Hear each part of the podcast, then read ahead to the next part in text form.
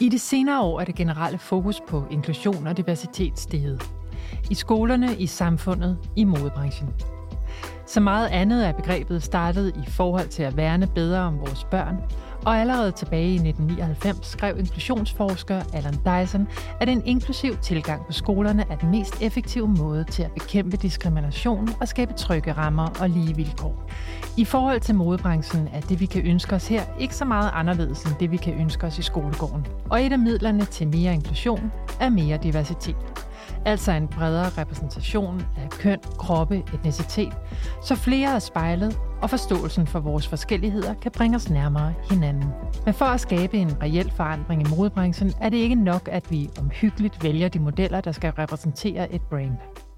Forandringerne skal også ske i ansættelser, og ikke mindst i en opdatering af de størrelser og mål, som langt det meste tøj stadig bliver produceret i. Det betyder nye tilgange til undervisningen, det betyder nye størrelser på fittingmodeller og i sample sizes. Hvad der bliver gjort og hvad der skal gøres, skal vi høre om i denne podcast om inklusion. Episoden er den anden i en serie af tre skabt i samarbejde med Designskolen Kolding, hvor vi dykker ned i tre indsatsområder til en modeindustri i bedre balance med planeten. For hvordan forholder man sig til begrebet inklusion ude i virksomhederne, i brancheorganisationerne og på designskolerne? Det har vi talt om med Ditte Refstrup, kreativ direktør og medejer i Ganni, Asta Weissi Bakkesen, lektor på KIA, Christel Arnevik, programleder på Designskolen Kolding og administrerende direktør i Copenhagen Fashion Week, Cecilia Torsmark. Mit navn er Karla Christine Brus Ågaard Strobe, og jeg er chefredaktør på Fashion Forum.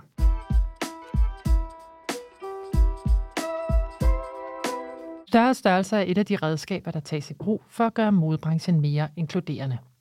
Ganni er et af de brands, der i dag i et udvalg af styles repræsenterer fra størrelse 32 til 52 og i sko fra størrelse 35 op til 45. For brandets kreative direktør og medejer Ditte Refstrup var det en personlig oplevelse, der for alvor sparkede det omfattende arbejde med at gå ud over standardstørrelserne i gang. Her fortæller hun om de overvejelser, både i forhold til branding, salg og design, som hun gør sig for at gøre Ganni til et inkluderende brand hele vejen igennem. Hvornår blev du første gang opmærksom på, at der blandt jeres kunder, eller man kan også sige i jeres community, var et behov for, at I udvidede jeres størrelser, så I designede til flere typer af kroppe? Altså en af de sådan helt specifikke situationer, jeg kan huske, er, da min veninde ringede ned, for hun var nede i butikken og prøvede noget tøj, og spurgte, om jeg ikke lige ville komme ned og hjælpe hende, fordi hun kunne simpelthen ikke finde noget. Og hun kunne ikke passe ned, og hun følte sig stor i det hele, og hun var rigtig ked af det.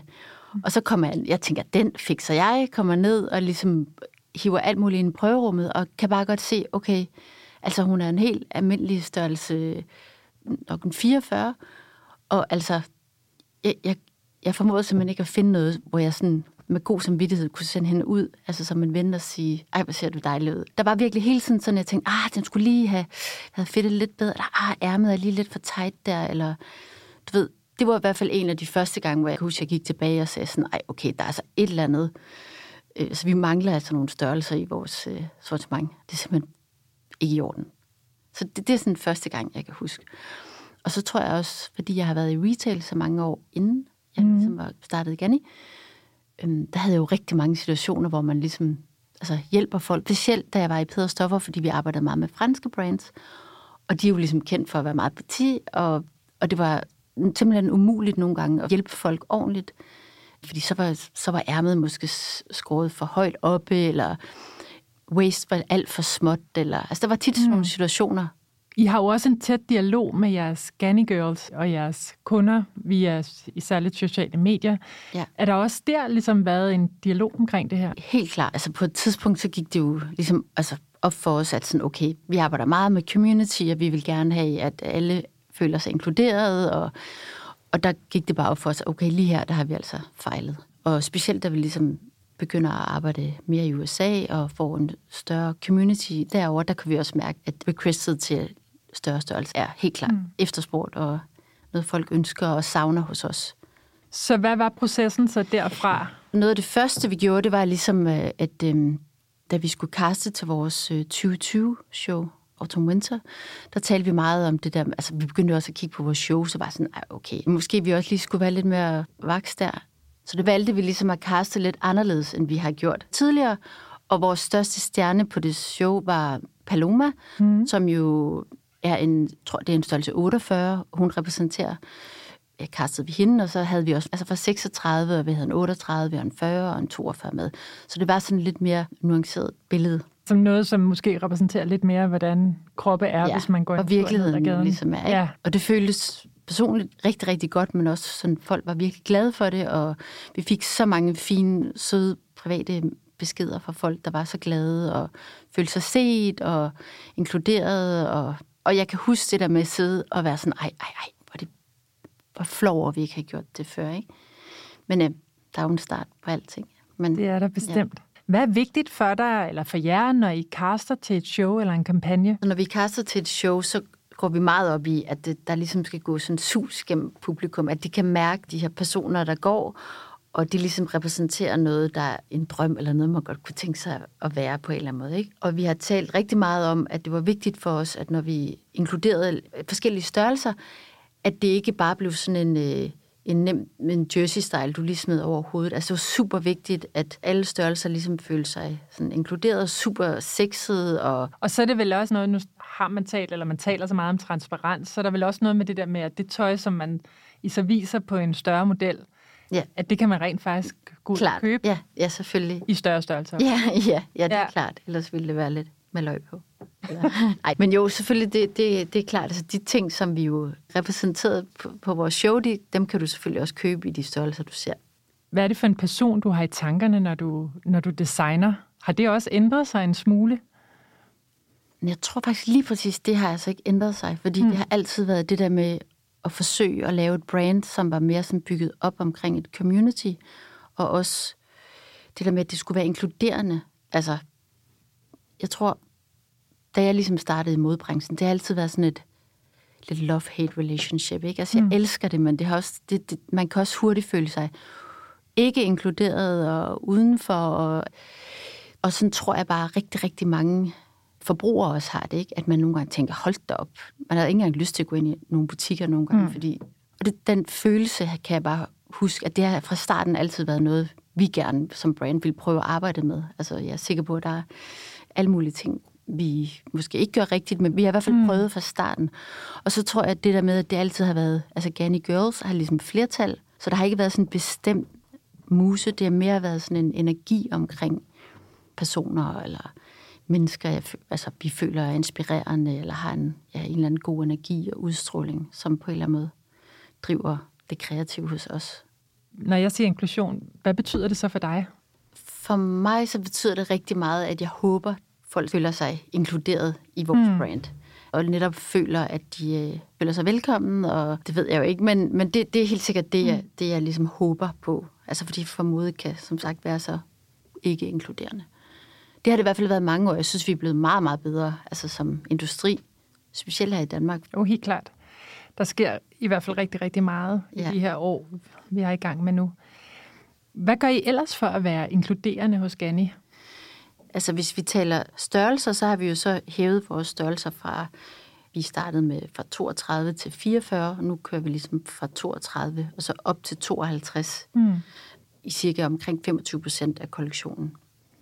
Og så har vi så ansat nogle folk, som, altså nogle konstruktører, som hjælper os med at fedte og øh, graduere, og når vi ligesom arbejder med vores design, så taler vi også meget om, om det der med, hvad sidder godt, og hvad er smukt til en krop, der ser sådan ud, og hvad, hvad vil være passende til en krop, der ser sådan ud, og hvordan kan vi ligesom forene de ting. Lige præcis, den proces, den gad jeg godt høre lidt mere om, fordi hvordan beslutter I jer for, hvad der vil være flot at ja. sætte op til en større størrelse? Hvad er det for nogle parametre, I Altså, vi begyndte at... Altså, i gamle dage, der havde vi jo kun en størrelse 36. Vi fik, altså, vi fik en, en prototyp hjem i størrelse 36, og vi ville ligesom fedte på en model, der var en 36. Mm.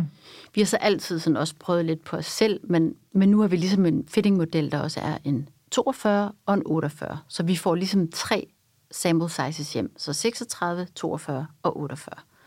Og så fedter vi ligesom på de her tre forskellige kropstyper. Og det gør jo en kæmpe forskel, fordi vi taler også meget med vores øh, model, altså fittingmodeller. Ikke? Altså, mm. hvordan føler du? Og, så er det jo klart, hvis du så laver en kjole, hvor vi ligesom det kan være en rapkjole eller en draperet kjole, hvor alle tre ligesom på en eller anden måde altså man kan se, okay, den er virkelig, virkelig flot til en 36, og lige så flot til en 48. Det, du ved, så har man jo, så ved du jo, at du har en rigtig god styles. Så det er faktisk i den proces og i fittingen, at I beslutter, hvilke styles, der vil være gode at sætte op? Ja, ja. Og så er det klart, så taler vi også om kvaliteter og sådan noget, og hvilke kvaliteter gør sig godt øh, på den her kropstype, at den her god at arbejde med. Øh.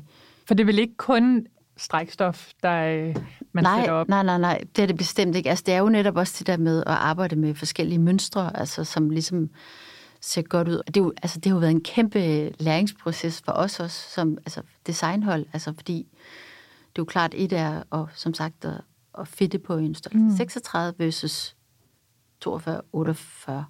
Altså ikke, at det er værre eller bedre, det er ikke det, men det er bare ikke helt det samme. Forskelligt. Det er jo bare forskelligt, ja. hvilket også er det, der gør det sjovt. Hvilke udfordringer er der i forhold til det her med at udvide sit størrelsesbegreb i en virksomhed som jeres? Det har helt sikkert været sværere, end vi lige troede måske. Ikke? Altså, mm. du kan ikke bare graduere opad. Det kræver ligesom nogle, øh, nogle specialister og nogle konstruktører, der arbejder lidt mere dybtegående med det. Så, så vi har ansat tre mennesker, som altså selvfølgelig også laver andet, men som ligesom har det her som et speciale, hvor de ligesom har gjort sig til specialister inden for, for det her område, og som hjælper os øh, designer med også at, at vælge kvaliteter, og hvad, ligesom, hvad fungerer, hvad fungerer ikke, og der har vi så også efterhånden, fordi vi har gjort det siden 2020, så har vi også ved at have nogle tal på, okay, hvad er det, der ligesom performer, og hvad gør ikke, ikke? Så så det er, sådan, det er et ret stort stykke arbejde, der ligger bag. Det lyder jo ret omstændigt, og også som nogle meget fordyrende led, tænker jeg. Du nævner, at I har ansat specialister til at hjælpe med at udvikle de rette pasformer. Der er sample-kollektioner i 36, 42 og 48. Så er der fitting-modeller i forskellige størrelser, og jo også modeller, der skal flyves ind eller hentes til kampagner og ikke mindst shows. Det er da noget af en beslutning, man skal tage, når man går all in på det her. Ja, det har du ret i. Altså, jeg tror og håber på, at det helt sikkert godt kan betale sig i et langt løb. Og jeg synes som brand, at vi ligesom har et ansvar for at, at vise vejen. Og så tror jeg faktisk også, at det, det bliver øh, på en eller anden måde en økonomisk succes også i det mm. lange løb. Fordi det kan godt være, at det bliver lidt sensitivt, men altså jeg, jeg forestiller mig, at der godt kunne være måske en uenighed mellem nogle af dem, der sidder på pengene, og øh, hvor man har en ambition og en vision om at komme hen designmæssigt. Ja, selvfølgelig. Sådan er det jo med mange ting. Altså, der er jo mange beslutninger, der nogle gange måske ville være bedre økonomiske end lige umiddelbart. Men det er jo klart, at, at vi har set et, altså i forhold til, at USA er vores, et af vores, faktisk vores største marked, at det ligesom er en case. Altså 68 procent af kvinder i USA er 42 og, og op efter, ikke? Så det er klart, at der er jo et kæmpe marked og Kæmpe. et stort request ja. for, for netop det. Og det her med, fordi I jo faktisk også begyndt, det er jo ikke kun uh, tøj, det er jo også sko, som nu i nogle styles går op ja. til en størrelse 45. Ja.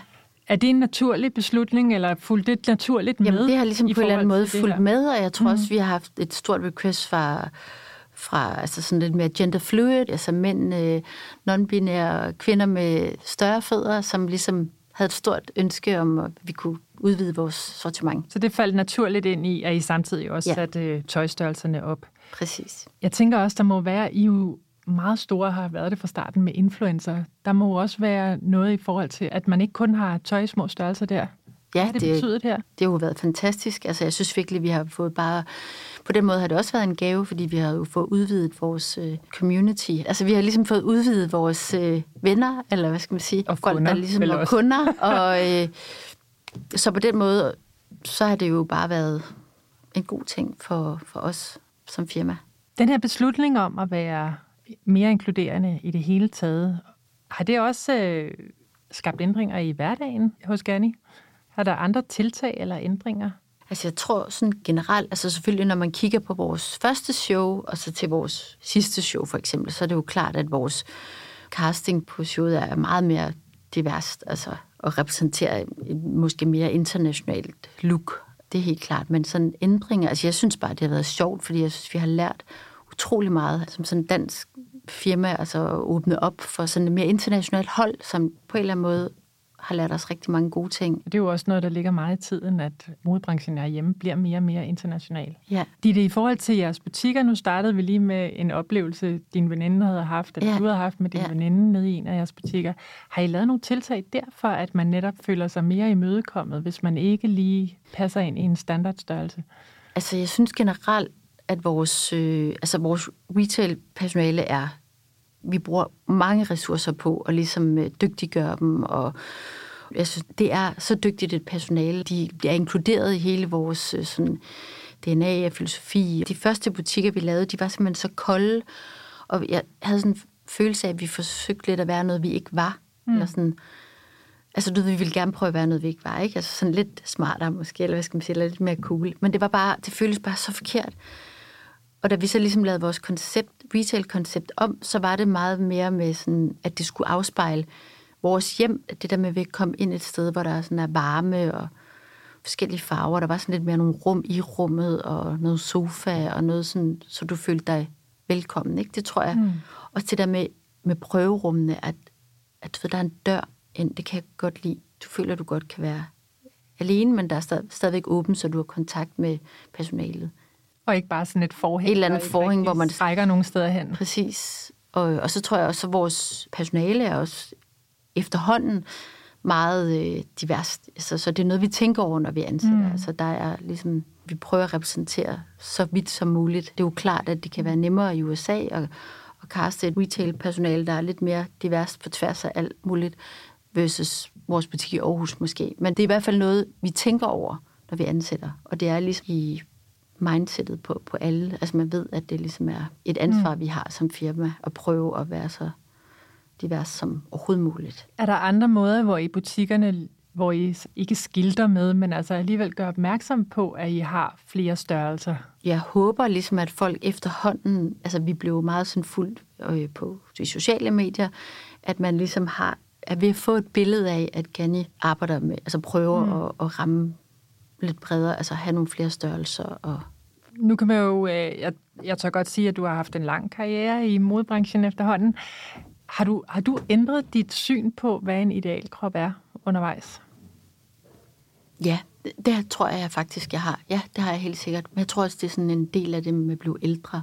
Hmm. Ikke? Altså sådan en af de smukke ting ved at blive ældre, det er, at man, det ved jeg ikke, at man ser bare, altså jeg ser virkelig mange smukke mennesker. Altså jamen, jeg ser også noget andet end, jeg, jeg er sådan meget draget af folks energi og personlighed. Jeg synes også, man oplever noget af det skifte, der er sket, det er også bare, at der ligesom var en idealkrop, som man bare godtog.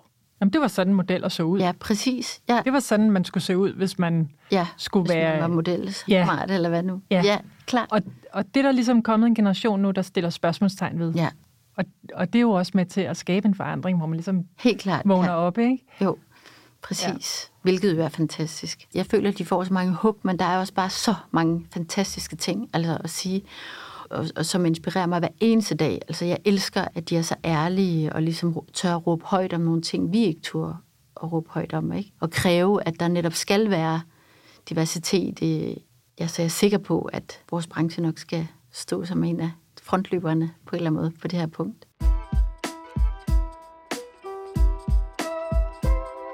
Netop grebet med at inkludere fittingmodeller i forskellige størrelser, som de har gjort det hos Ganni, er en løsning, som også lektor på KEAs linje for Sustainable Fashion Tech, Asta Weissi Bakkesen, peger på, når hun skal lære de studerende at designe til forskellige kroppe. Hør, hvordan KEA konstant forsøger at udfordre og forberede eleverne til den modebranche, der venter dem, og som de skal være med til at skabe.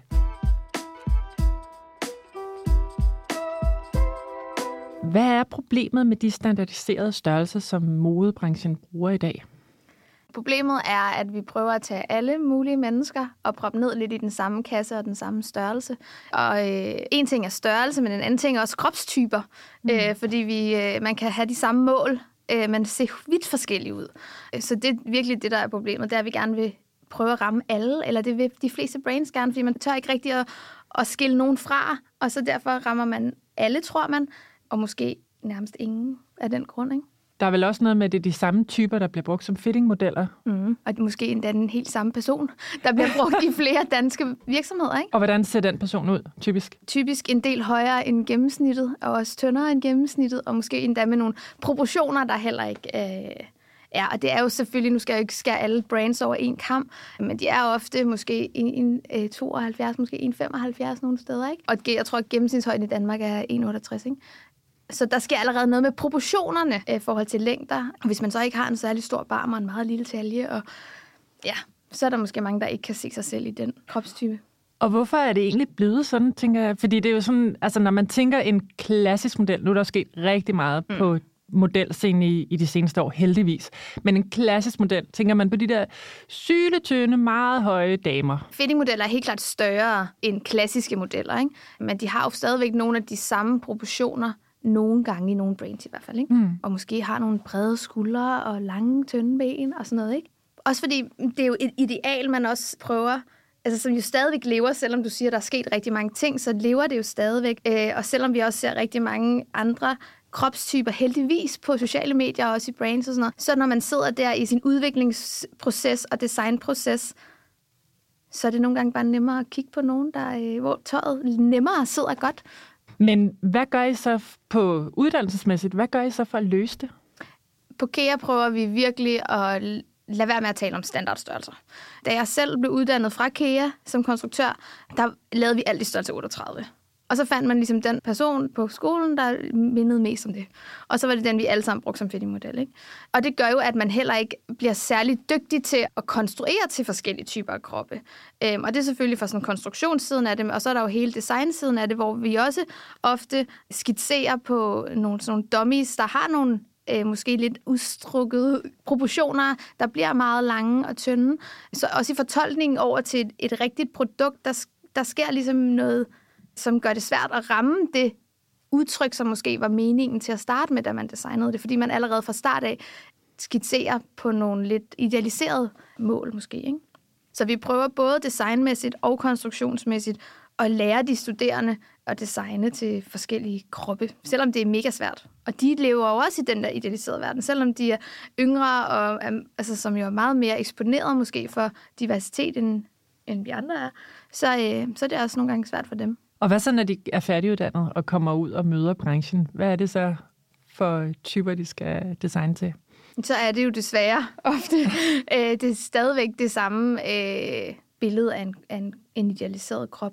Så på den måde er vi måske forhåbentlig lidt foran. Og det skal vi jo også helst være, ikke? Fordi vores studerende, vi håber jo, at de kommer ud og skubber lidt til branchen også.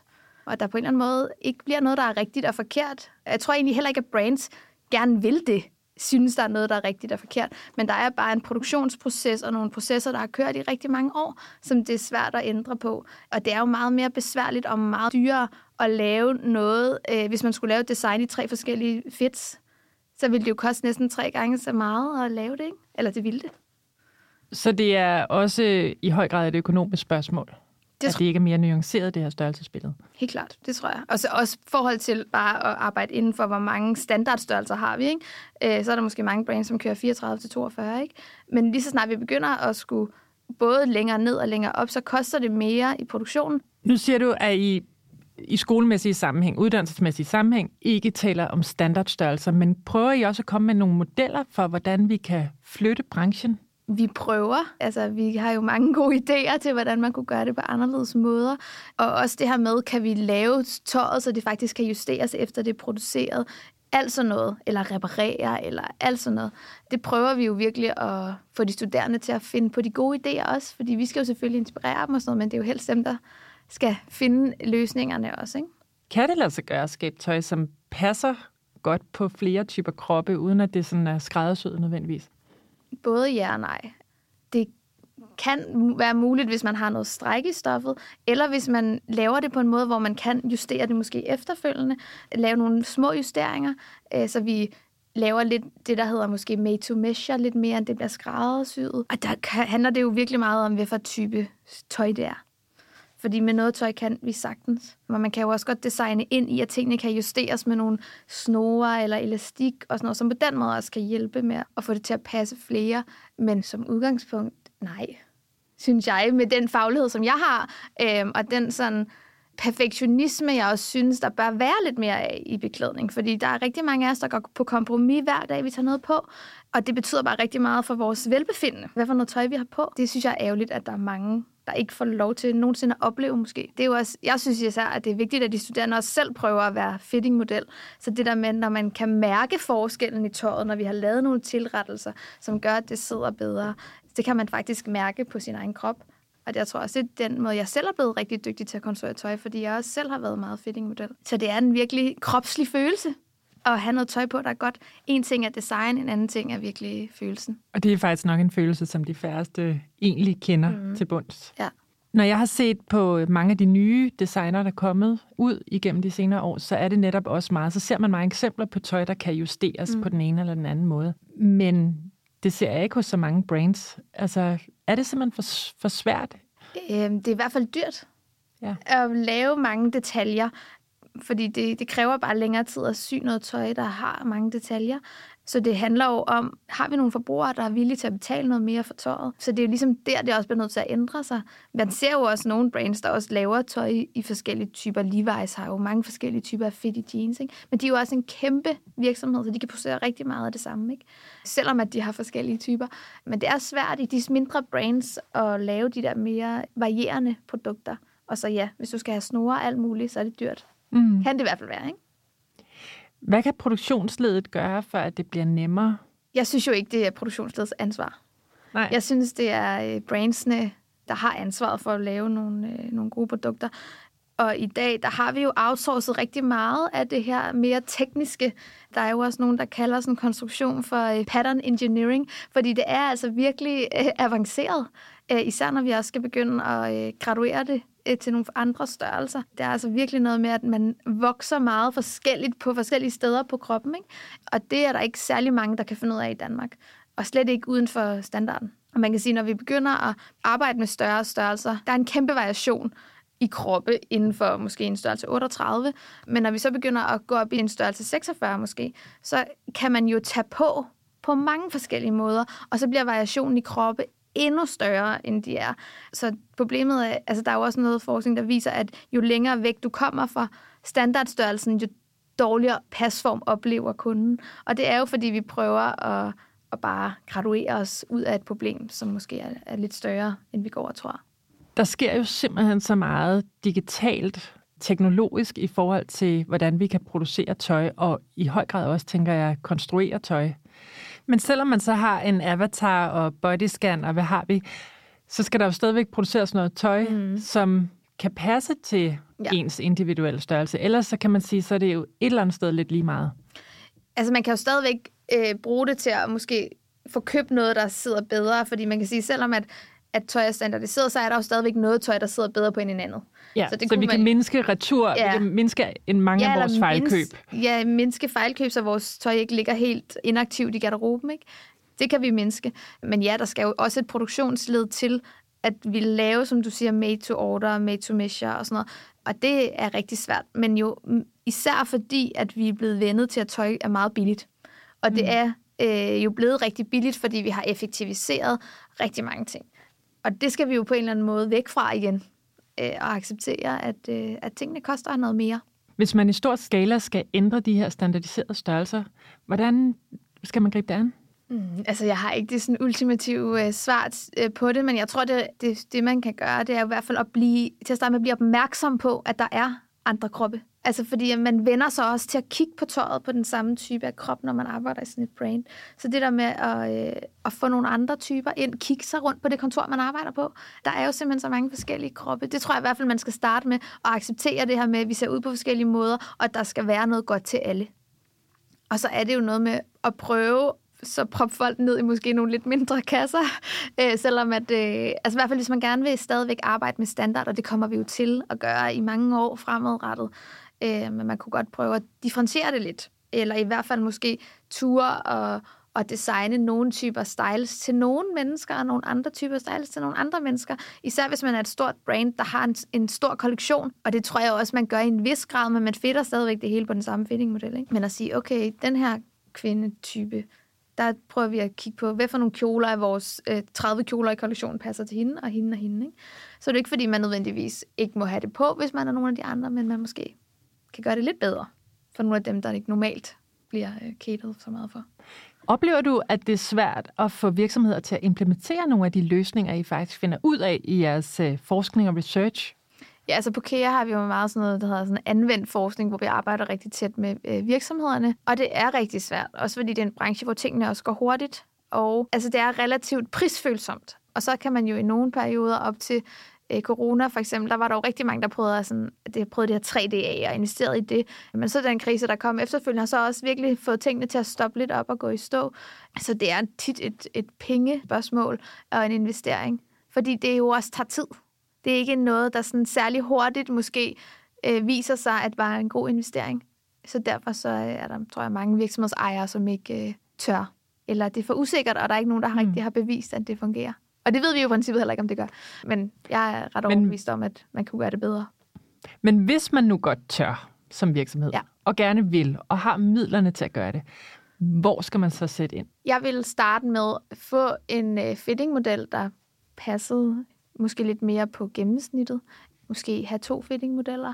Øh, jeg har selv lavet et projekt, hvor at at jeg arbejdede med en virksomhed og nogle af deres mønstre, hvor vi ligesom arbejdede med de samme mål, men fik tøjet til at være mere sådan tredimensionelt. Og derfor så kom det faktisk til at passe flere, og faktisk både sidde bedre på deres fittingmodel, men også på nogle andre. Øh, så det her med virkelig at nørde ned i det, tror jeg virkelig kan gøre noget, og måske få, få skabt sig nogle shapes, som man kan genbruge eller arbejde videre med. Men det kunne være så fedt, hvis folk turde at lave den samme style i to fits. Det tror jeg vil øh, kunne give noget. I forhold til forskning, er der noget på vej, som du er særlig nysgerrig på? Øh, jeg er meget nysgerrig på øh, en, der hedder Mette Terkelsen, som er i gang med en PhD, hvor hun har opmålt rigtig mange øh, danske kvinder med det formål at, at skabe en ny standard. Det, de så har fundet ud af, det er jo, at der er ret stor variation, så det er rigtig svært at lave den her ene standard. Det, jeg tror, de er i gang med, det er at måske prøve at lave nogle, nogle nye typer af, af, af hvad hedder det, størrelsessystemer, øh, men også det her med at arbejde med, hvordan er det, vi faktisk kan tilpasse tingene, så vi designer og producerer det på en måde, men med mulighed for at justere det. Men det er lidt svært med forskning nu, fordi det, der er så meget i den i den grønne omstilling omkring at spare på CO2 og spare på ressourcer, hvor det her med, hvor mange tabte ressourcer, der egentlig ligger i, i dårligt tøj, det glemmer man lidt, så det bliver der ikke givet så mange penge til at forske i. Det er mere godt med nogle målinger af, hvor meget CO2 vi har sparet. Og det kan være svært inden for det her område. Befolkningen er på alle leder og kanter blevet større. Men de måleskemaer, som vi retter de gængse tøjstørrelser ind efter, de er stadig det samme. Med digitale redskaber som bodyscanner og Klo 3D viser programleder Christel Arnevæk fra Designskolen Kolding fremtidens designer, hvordan de kan tænke ud af tøjkonstruktionens faste mål og rammer og skabe tøj, der i langt højere grad passer til vores kroppe og den måde, vi bruger tøjet på.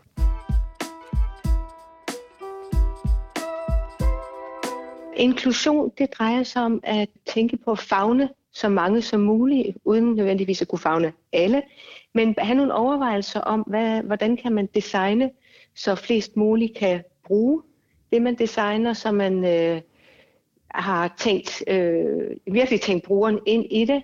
Hvem skal bruge det, hvem kan bruge det, men også at udvide, så flere kan bruge det samme, uden at man går på kompromis med designet. Så det er inklusion for mig. Man kan sige, at det, der informerer mange virksomheder, det er jo salget det er, hvad solgte godt sidste år, og hvad kan vi købe, og hvad kan vi gøre mere af på den måde.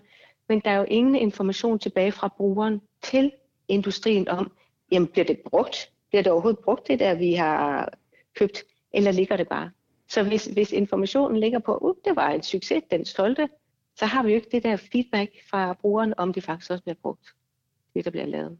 Vi har netop hørt fra Asta Weissi Bakkesen, at modebranchens standardiserede størrelser er nået så langt væk, hvordan de flestes kroppe ser ud, så langt at ja, at størstedelen mm. af det tøj, der produceres i dag, slet ikke mm. sidder godt på nogen. Mm. Men hvad er det så, vi kan gøre ved det? Fordi jeg tænker, du ligger måske også inde med nogle svar på, hvordan vi kan skabe tøj, så det passer bedre på, på forbrugerne. Så vi ikke ender med, at de skal gå på kompromis hele tiden. Ja, altså man, man kan i hvert fald sige, at det der jo altid nu kommer jeg fra uddannelse, og det er jo altid et, et lidt nemmere sted at stå, for jeg skal ikke snakke om nødvendigvis bundlinjen, og hvordan folk de skal, i virksomheden skal sørge for at tjene penge. Men det her det er jo et ønskescenarie om, hvordan man kunne inddrage brugeren også og kende. Og jeg tror faktisk også, at mange virksomheder vil virkelig kunne få måske en bedre bundlinje eller få nogle bedre resultater på sigt, hvis de kender deres brugere bedre. Vi bruger en metode, der hedder wardrobe studies eller garderobestudier på dansk, mm. hvor man simpelthen finder ud af, hvem er, hvem er det, jeg står overfor, hvad har de allerede i deres skab, og hvad er i brug og hvad er ikke i brug. Og der er lidt forskellige tal på det, men lad os bare sige, at det er omkring 40 procent, som folk de har cirka 40 procent, der ikke rigtig, jeg tror, der ikke rigtig er i brug.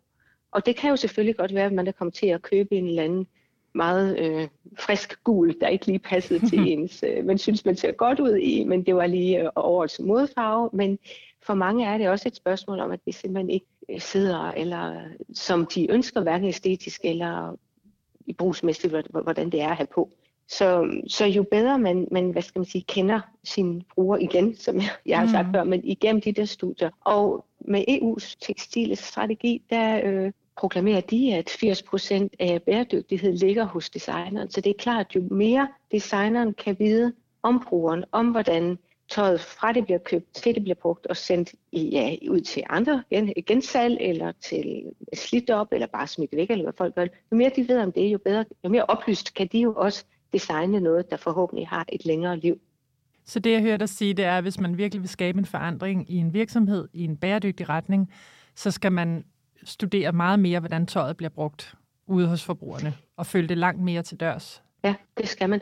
Det kan jo godt være en udfordring at få en brugergruppe, der gider at tage sig tid til at svare tilbage, men øh, jeg, jeg ved, at der er firmaer, som de har så inviteret ind nogle af deres kunder simpelthen til at snakke med dem og prøve tingene af på dem og sige, hvad fungerer, hvad, hvad er godt, hvad er dårligt, og der får de jo en fantastisk indsigt mm. i, hvordan de kan justere, altså det kan jo være mindre ting, som sagt inden for inklusion. Man har ikke engang tænkt over, at det kunne være noget, der gjorde forskel. Altså om silhuetten den kan være den samme, men at du måske har, i stedet for at du har læg, der holder tingene fast, så har du måske en elastik, men mm. ikke at det bliver sådan en, når nu har taget joggetøj på elastik, men at den stadigvæk er æstetikken er i højsædet. Ikke? Eller det kan, det kan jo være mange ting, der gør det, og som også skal passe ind til det enkelte brand, hvad det er, de kan gøre. Men det er, hvis, hvis den eneste tilbagemelding, man har, det var, den der stribede fra i sommer, den solgte bare rigtig godt. Kan du ikke lave den blå og hvid i grøn og hvid næste år, eller whatever der er farverne, så lave den på den måde. Så har man jo ikke meget at arbejde med. Hvordan kan man ændre på de her standarder, som tøjet bliver lavet i, og de størrelser, så det bliver mere inkluderende? For udover at man måske erstatter en, en læg med en elastik, så må der også være noget med selve de målskemaer, som, som meget tøj bliver produceret ud fra.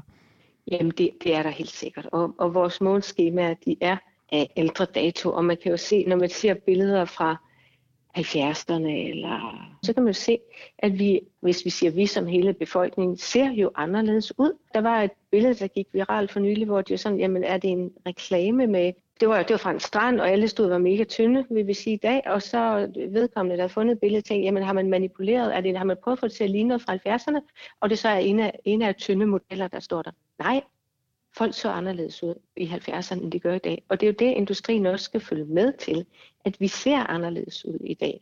Var vi simpelthen tyndere i 70'erne? Ja, det var vi, og det kan man, det kan man hvis man ser på statistik om folks vægt, mm. som man kan se, det er, det er stigende. Så hvis man skal lave noget tøj, så skal man også sige, at vi kan ikke hænge fast i fortiden, hvordan den så ud. Jo, det kan man godt, men hvis man vil lave noget tøj, som passer til brugeren, så må man jo også se, hvordan ser brugeren faktisk ud. Og ja. det, det kan man jo så gøre, det, men det kan man gøre på statistik, eller man kan bruge digitale løsninger til det med scanning, body scanning. En virksomhed kunne jo godt sige, nu øh, får vi igen en gruppe ind på x antal, og så scanner vi dem, og så ser vi, hvordan vi ser ud. Og så er det dem, vi sidder og designer til, når vi sidder alligevel og designer digitalt. Når vi har vores 3D-digitale program, vi sidder, og så har vi vores avatar, som er vores model, vi tegner til, så har vi noget, der ligner den verden, vi designer til. Og så kan man jo hurtigt se, om noget det ikke fungerer. Vil du ikke prøve at fremhæve, hvad det er for nogle digitale redskaber, der især mm. kan være med til at fremme inklusion og diversitet, når vi snakker størrelser jo. i modbranchen? Vi snakker om øh, body scanning. Der, der er også øh, nogle virksomheder, som har slået sig op på, at de scanner, før de laver jakkesæt til folk. Så de ved lige præcis, hvordan de ser ud. Men en scanning af en krop, det er jo en 3D, digital 3D-gengivelse af, hvordan du ser ud på godt og ondt. Det er, som du er, som jo et eller andet sted burde bare være godt, men, men man kunne jo godt piske sig selv over et eller andet. Men man kan bruge scanner til at finde ud af, hvordan ens målgruppe ser ud. Og det er jo klart, hvis man har en virksomhed, der gerne vil inkludere, jamen så må man jo enten have flere modeller, som man siger, vi, altså, hvis vi skal lave one size fits all, så bliver det jo næsten en form for legging. Så kan ja. man jo godt lave noget, der passer. Men ellers så sker der jo også noget, når om man er en størrelse 34 eller en størrelse 54, så, så er man jo ikke bare lige pludselig øh, blevet forstørret på alle lederkanter. Så sidder der noget mere form måske over skuldrene, eller måske mere under barm. Det kunne være forskelligt. Og mm. inden for de kategorier må man sige, at det er den, vi laver til. Og dem skal vi sørge for, at de kan få det tøj, som de vil have. Så er der jo flere og flere, der arbejder med 3D-digitale løsninger, hvor det vil sige, at det kunne være et program som Clove 3D, eller Browseware, eller lignende, hvor man sidder og arbejder, så når man laver, både kan lave design og lave sin tilskæring, så sidder man simpelthen og gør det med en avatar, det vil sige, at det er en digital gengivelse af en krop, mm. og der kommer de altid med nogle standarder, der er meget petit og tynde og meget lange ben og sådan noget. Men man kunne jo have den rigtige scanning af den, der er målgruppen, eller de forskellige, der rammer ens målgruppe. Og så kan man designe. Og for eksempel sådan et firma som det italienske high-end firma, der hedder Pucci, mm. de uh, bruger uh, Clove 3D til at sikre sig, at når de, de laver nogle vilde, fantastiske print på silke, så gør de det, at hvis du er en størrelse 34 og gerne vil have den kjole i størrelse 34, så sidder printet på den her måde, så skalerer de printet op. Så selvom du er en størrelse 44 i kjolen, så får du ikke lige pludselig, lad os bare sige, der er blomster på. Du får, går ikke fra tre blomster til fem blomster eller til 15 blomster. Du har lige så mange blomster på kjolen, eller striber, eller hvad det er. Det er bare skaleret op i stedet for. Så du ser faktisk lige sådan ud som den anden, bare med den størrelse, du nogle gange har. Christel, meget af det, du siger her, det lyder jo egentlig til, at hvis man ellers laver sit forarbejde godt nok, så er det jo faktisk rimelig lige til at få lavet tøj i flere forskellige størrelser, få lavet nogle ordentlige pasform.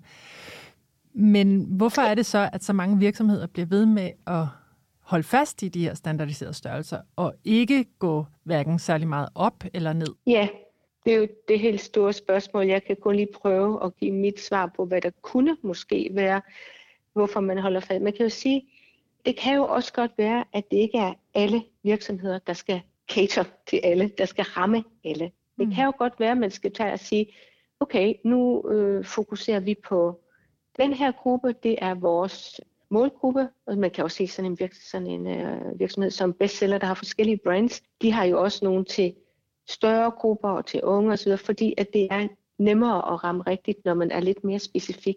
Men derfor kan man selvfølgelig godt prøve at forstå sine brugere, så man, så man matcher dem bedre. Men at man måske ikke skal have til alle. Det kan jo godt være, at det er et, et, fordyrende element for mm. virksomhederne, de ikke vil gøre det. Der er også en anden ting, øh, tror jeg, til det og, det, og jeg tror, vi vil se en ændring, når der kommer krav fra EU.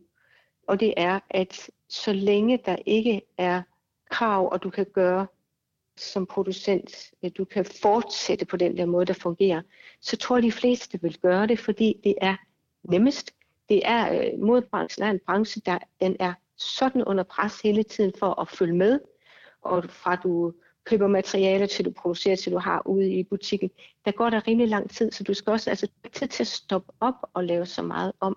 Det kører derud. Jeg vil faktisk påstå, at, at øh, modbranchen, i hvert fald når det kommer til digitale løsninger, så er modebranchen faktisk ikke dem, der er first movers. Så er det, de er lidt træere i det, fordi der er ikke tid til at stoppe op og implementere.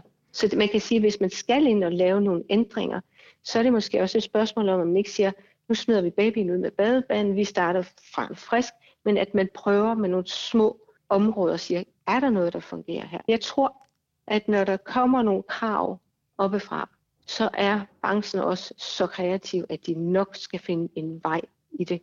Og ja. der bliver digitale løsninger en mulighed, og det kunne være både på bodyscanning, men det er også de her øh, programmer, man kan arbejde i.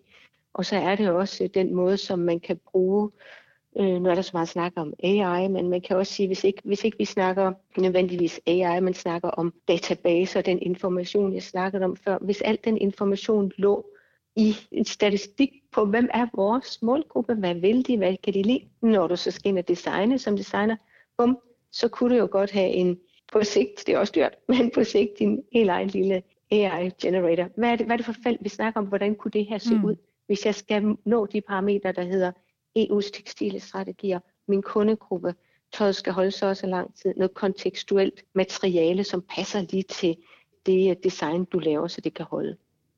Jeg ser i hvert fald helt sikkert nogle muligheder der på sigt.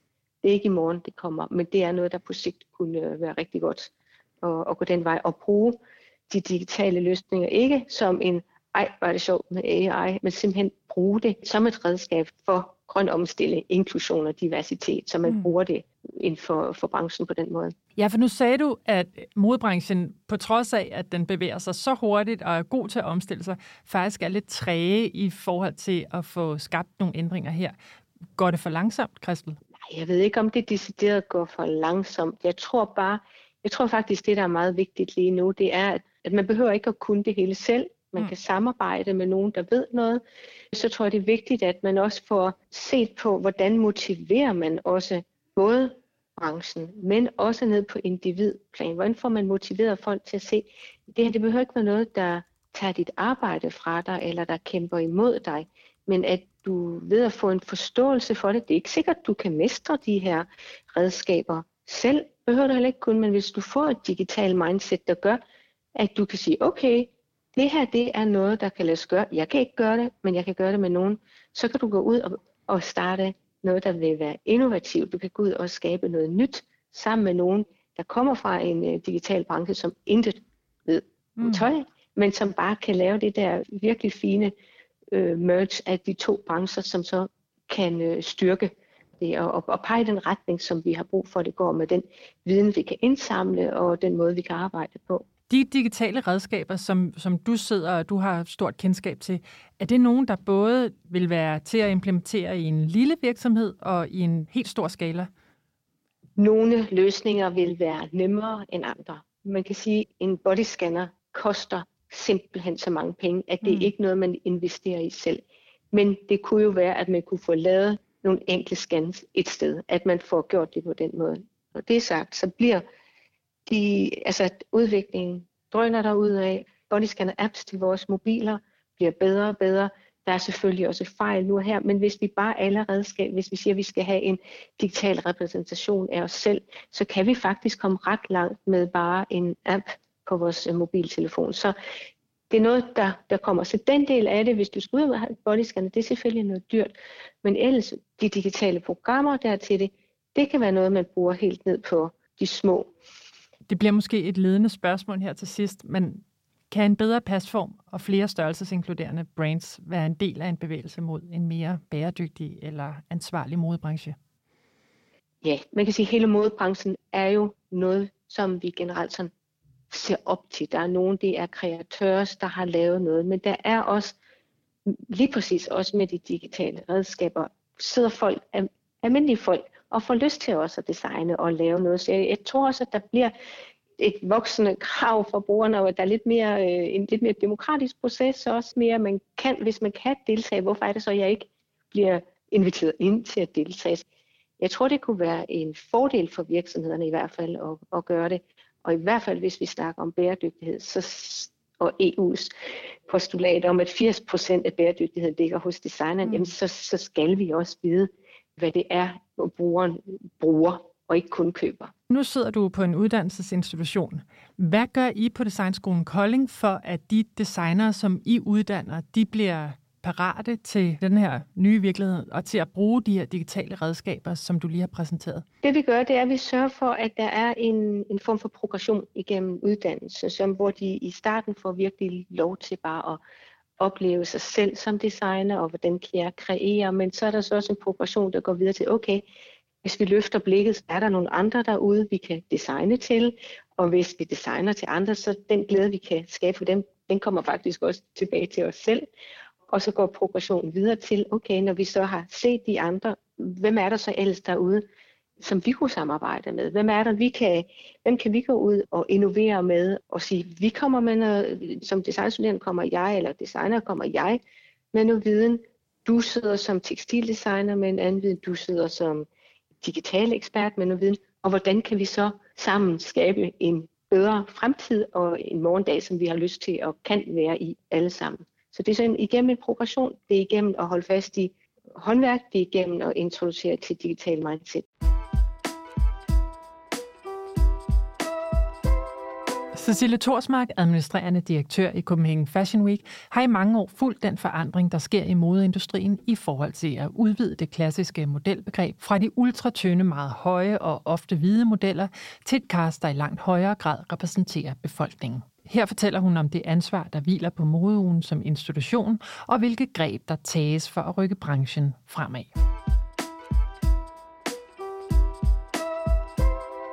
Cecilie Torsmark, du blev administrerende direktør for Copenhagen Fashion Week i 2018 og lagde ud med en treårsstrategi for en mere bæredygtig modeuge. Hvornår begyndte inklusion og diversitet at være noget, som du blev opmærksom på i forhold til de shows, der blev afholdt under Copenhagen Fashion Week? Det har faktisk været noget, jeg har været opmærksom på øh, igennem al den tid, jeg har været direktør i Copenhagen Fashion Week. Og det skyldes, at jeg jo startede min karriere tilbage i 2010 i Danish Fashion Institute, også kaldet DAFI, som allerede dengang havde stort fokus på, øh, det var særligt modellers sundhed dengang. Eva Kruse havde i samarbejde med øh, den derværende direktør for Landsforeningen mod spiseforstyrrelser initieret noget, der hedder modebranchens etiske charter, faktisk helt tilbage i 2007. Og charteret har udviklet sig rigtig, rigtig meget siden 2007. Dengang startede det ud med et øh, udpræget fokus på modellers sundhed og, og meget udtalt spiseforstyrrelser, altså for at forebygge spiseforstyrrelser blandt modeller. Og så var formålet selvfølgelig også at promovere et øh, sundere skønhedsideal, end det vi havde været vant til i 90'erne og 0'erne, hvor det jo skulle være ekstremt tyndt. Det var jo mit, øh, mit første job, Danish Fashion Institute, så på en eller anden måde oplært os i, i det her modebranchens etiske charter. Og det er noget, vi stadig arbejder med den dag i dag. Og Copenhagen Fashion Week har faktisk overtaget sekretariatet for modebranchens etiske charter. Så det er noget, vi er meget involveret i. Men selvom at du har haft en opmærksomhed på det i mange år, der også har været flere parter, der har været opmærksomme på det her med at skabe et sundere kropsideal, så kan vi jo godt blive enige om, at det har taget fart i løbet af de seneste år. Ja. Ved du, hvad skyldes den opmærksomhed, som, som branchen har fået på at, at være mere inkluderende i sine skønhedsidealer? Der har selvfølgelig været flere nedslag og hændelser, som har gjort, at det er kommet på, på lystavlen i, i, i branchen. Men noget af det, der i hvert fald står meget klart i min erindring, øh, og sikkert også i flere af lytternes erindring, hvis man har været i branchen i, øh, i, den, i det samme rumtid, som jeg har, det var jo den her skandale, eller shitstorm, hvad vi skal kalde den, øh, med magasinet Cover, tilbage i 2013, mener det var, hvor de havde en, en meget uheldig øh, editorial med en undervægtig model. Og den blev klart en eller anden form for sådan startskud til et brancheopgør, i hvert fald her i, i Danmark, øh, med det der sådan meget tynde, fordi det var ikke bare cover, der stod for skud i medierne, det var faktisk myndet på hele modebranchen, at der var jo noget galt øh, med den her branche.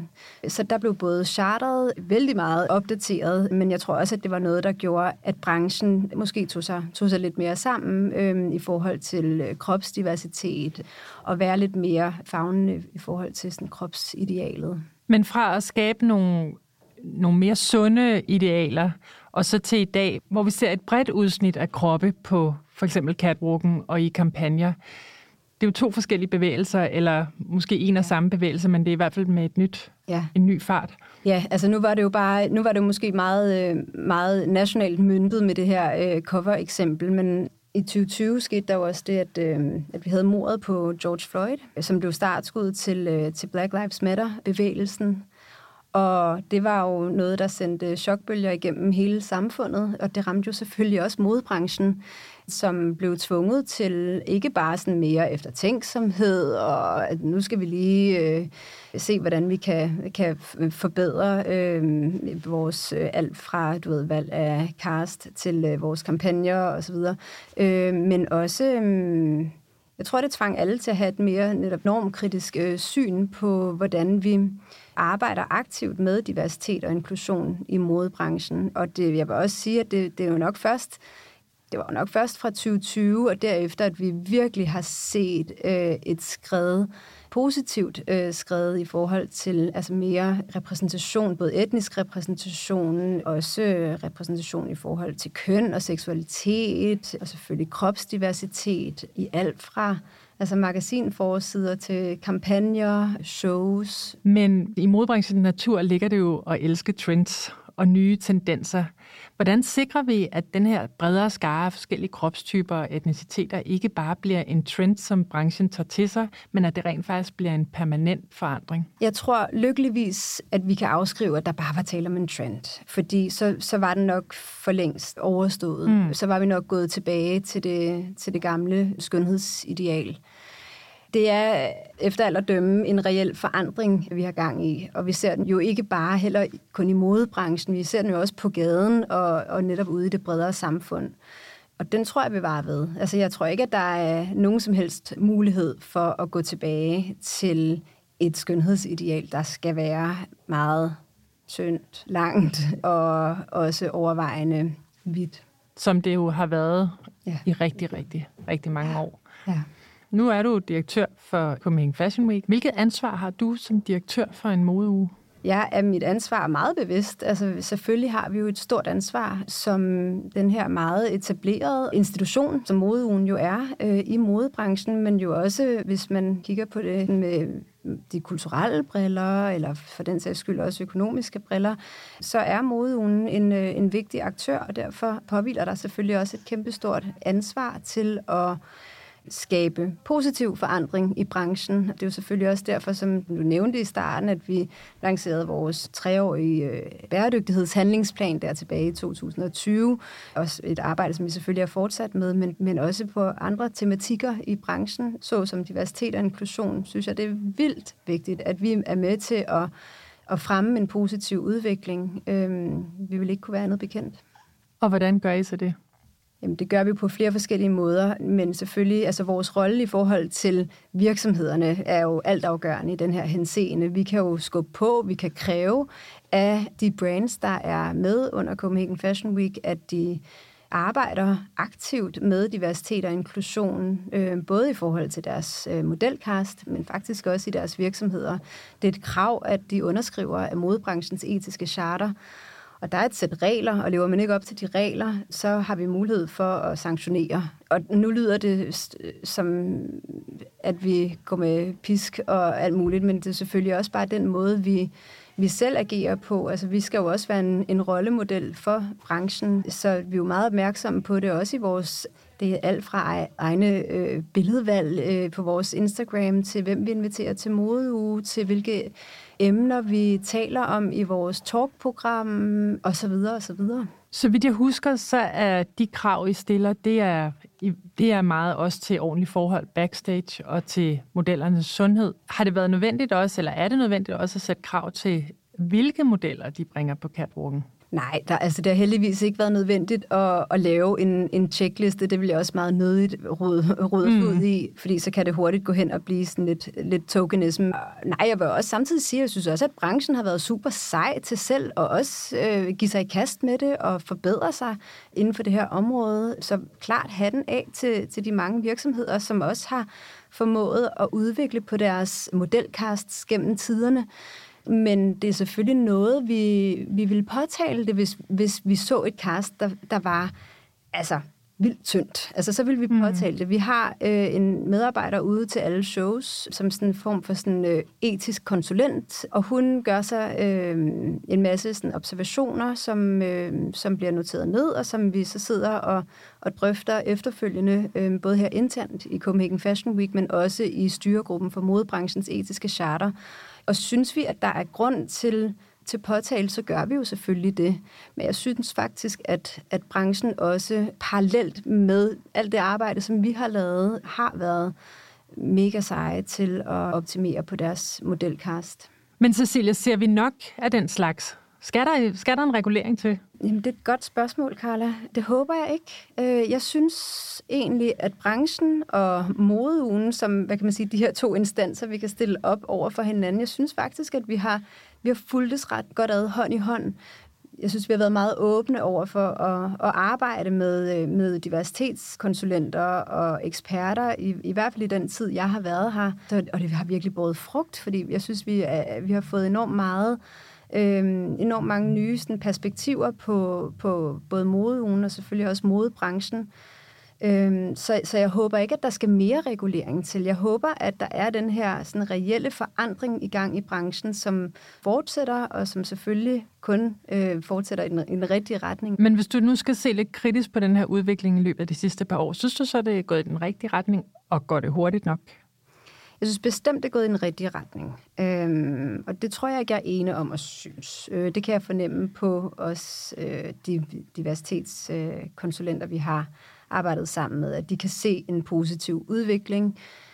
Om det går hurtigt nok? Nej, det gør det nok ikke. Men øh, der er ingen tvivl om, at her i, i København, der har vi, øh, vi har haft et andet tempo på, end, end på de andre modeuger. Øhm, senest har vi jo kunne læse i Vogue Business her i sommer, at København faktisk har stafetten i forhold til den her udvikling. Øh, vi er den modeuge, der er mest opmærksom på diversitet og, og inklusion i forhold til de andre vestlige modeuger, skal vi sige. Men hvorfor er den her forandring så svær? Hvorfor bliver vi ved med at holde fast i? Fordi hvis man ser netop mod modeugerne vestpå, så bliver der jo typisk holdt fast i den her ja.